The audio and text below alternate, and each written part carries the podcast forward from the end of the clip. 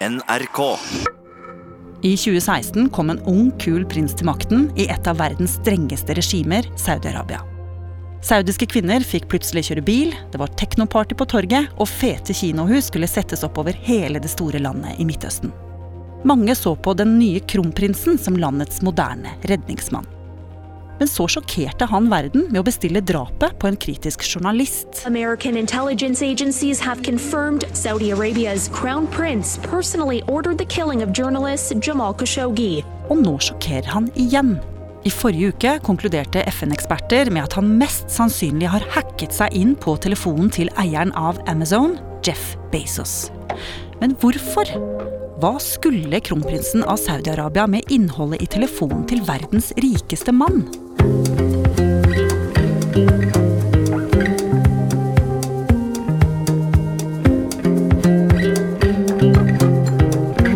hører på Oppdatert. Jeg heter Ragna Nordenborg.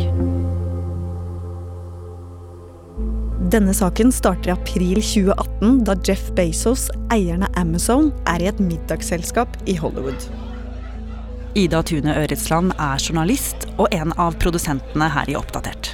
Og Der møter han kronprinsen av Saudi-Arabia, Mohammed bin Salman, som er på en slags turné i USA for å knytte nye kontakter. Og På det tidspunktet så har Amazon planer om å opprette nye datasentre i Saudi-Arabia, så de begge to har mye å tjene på å holde personlig kontakt. Så det ender med at Bezos gir telefonnummeret sitt til kronprinsen. Og senere på kvelden, når festen er over, så sender Bezos en melding til Mohammed bin Salman hvor han skriver 'Hello, MBS'. MBS det er det de kaller Mohammed bin Salman. Og dagen etterpå så svarer kronprinsen 'Hello, I've saved your number'. Mohammed bin Salman. Men så blir det stille en stund, og litt over tre uker seinere så kommer det en ny melding fra Mohammed bin Salman. Ikke noe tekst, bare en videofil som handler om Telekom og hvor attraktivt det er å investere i Saudi-Arabia. Bezos åpner den fila, og han merker ingenting akkurat da. Men det som skjer er at telefonen hans begynner å sende fra seg masse data, og det skal ta ganske mange måneder før han merker at noe ikke er som det skal. Hvordan merker han det? En dag så tar tabloidavisa The National Enquirer kontakt og sier at de sitter på veldig private bilder av Jeff Bezos.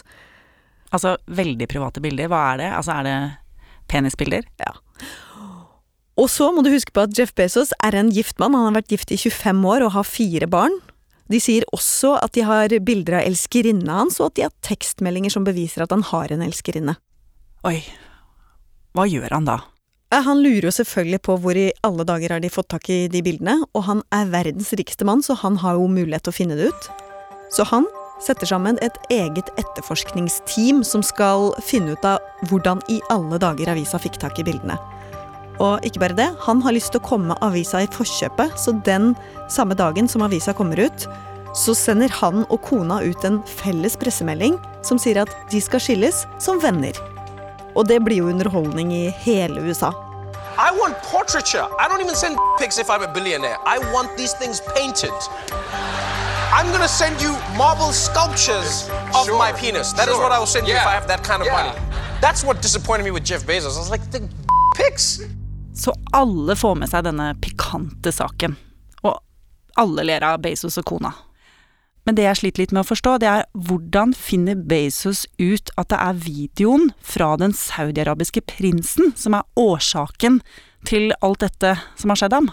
Jo, de kan ikke si helt sikkert at bildene stammer fra hackinga, men de tror det, for Bezos har jo satt noen av verdens beste etterforskere på saken, og de mener å kunne spore hackinga tilbake til denne videoen som Bezos fikk av kronprinsen.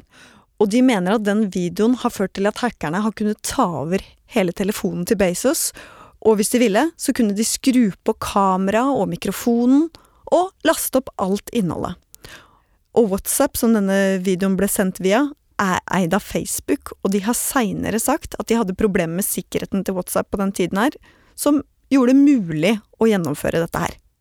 Altså, det blir jo som om vår kronprins Haakon skulle ha vært på en turné i USA, møtt masse businessledere, Bill Gates for eksempel, og så hadde de hatt en hyggelig middag, utveksla telefonnummeret, og så hadde det kommet fram en liten stund etterpå at vår kronprins Haakon hadde hacka Bill Gates. Og ikke nok med det, han hadde også spredd masse nakenbilder av verdens mektigste businessmann. Altså, det er jo ikke til å tro, på en måte. Nei, det er veldig spesielt, men avisa nekter for at de har fått bildene fra saudiaraberne. De mener at de har fått, uh, fått det fra noen helt andre, nemlig broren til elskerinna til Bezos. Så vi vet ikke helt sikkert om det er saudiaraberne som har gitt bildene til avisa. Men det var denne saken som fikk Bezos til å våkne. Mm. Og sette etterforskere på saken og undersøke telefonen hans. Men hvorfor i all verden vil han hacke telefonen til Jeff Bezos? Ja, det er jo det som har vært det virkelig store spørsmålet her. Og jeg har faktisk snakka med en som har hjulpet Bezos med å finne ut hva som var prinsens motiv. MBS simply could not handle dissent and he could not have, handle criticism and he did not want anybody to challenge him. Dette her er Iyal el-Baghdadi, og han bor faktisk i Norge. Han er menneskerettighetsaktivist og tilknytta Civita.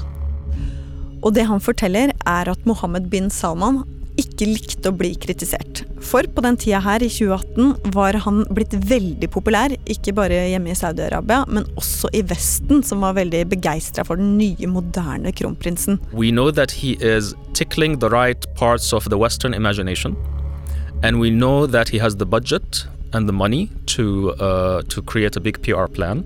Han hadde innført en del reformer som gjorde at uh, landet virka mer vestlig. Kvinner fikk lov til å kjøre bil, og folk fikk lov til å gå på kino og se vestlige filmer. Og ved å selge inn Saudi-Arabia som en mer moderne stat, så skulle landet virke mer fristende for vestlige investorer. Så da den saudiarabiske kronprinsen dro til USA i 2018, så var jo hele målet hans å møte så mange store forretningsfolk som overhodet mulig. So not only did he meet with Donald Trump, uh, he also met with entertainers. He met with Oprah. He met with Bill Gates. He met with Richard Branson. I believe he also met with Elon Musk. And of course, he also met with um, Jeff Bezos. Men samtidig som det her skjer, så er det en journalist som skriver innmari mye kritisk om Saudi-Arabia. Og han mener at alle disse nye, moderne tiltaka bare er overfladiske. Og egentlig så blir det verre å bo i Saudi-Arabia, for det blir mindre ytringsfrihet og mer politistataktige tendenser. Og den journalisten het Jamal Khashoggi. Han skrev for The Washington Post. Og hvem eier The Washington Post? Jo, det er Jeff Bezos.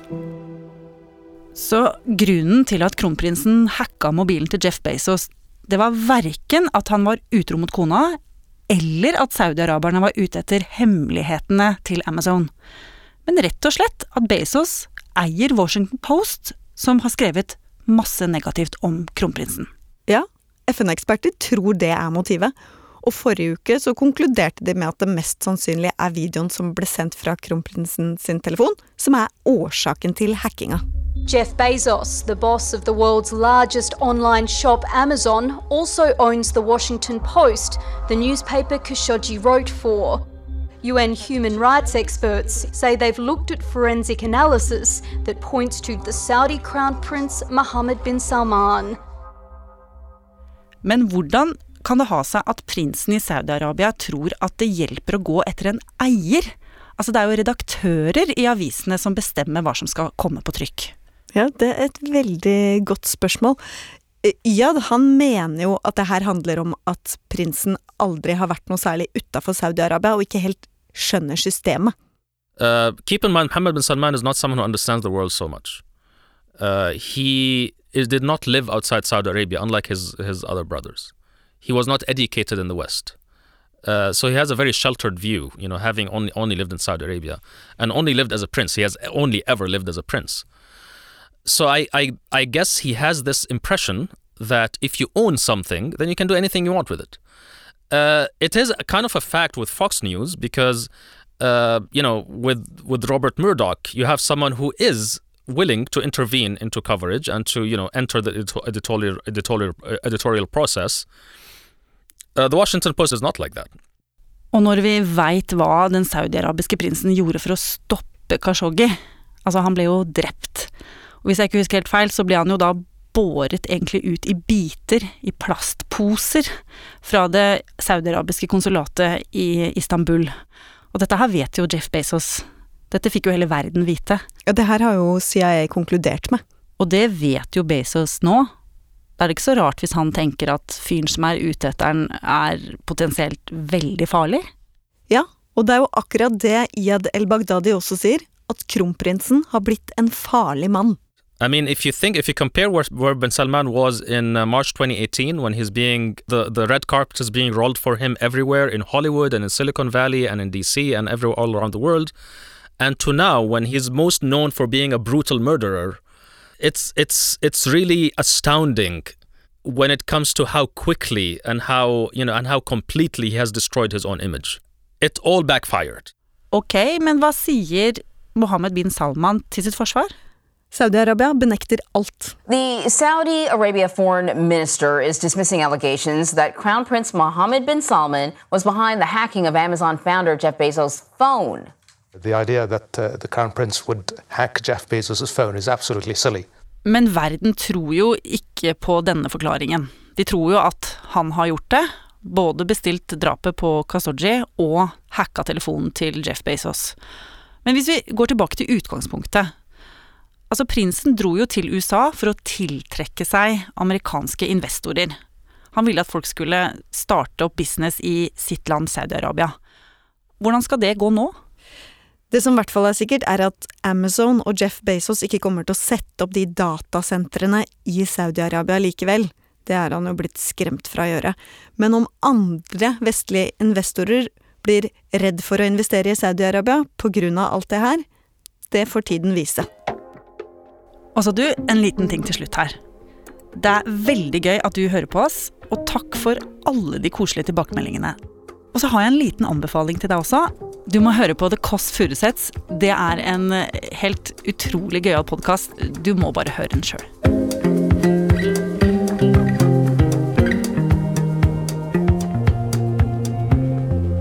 Oppdatert lages av Katrine Nybø, Jaran Ree Mikkelsen, Stian Kallekleiv, Natasha Arthur, Ida Tune Øretsland, Petter Sommer og meg, Ragna Nordenborg. Vil du kontakte oss, gjør det på oppdatert krøllalfa nrk.no.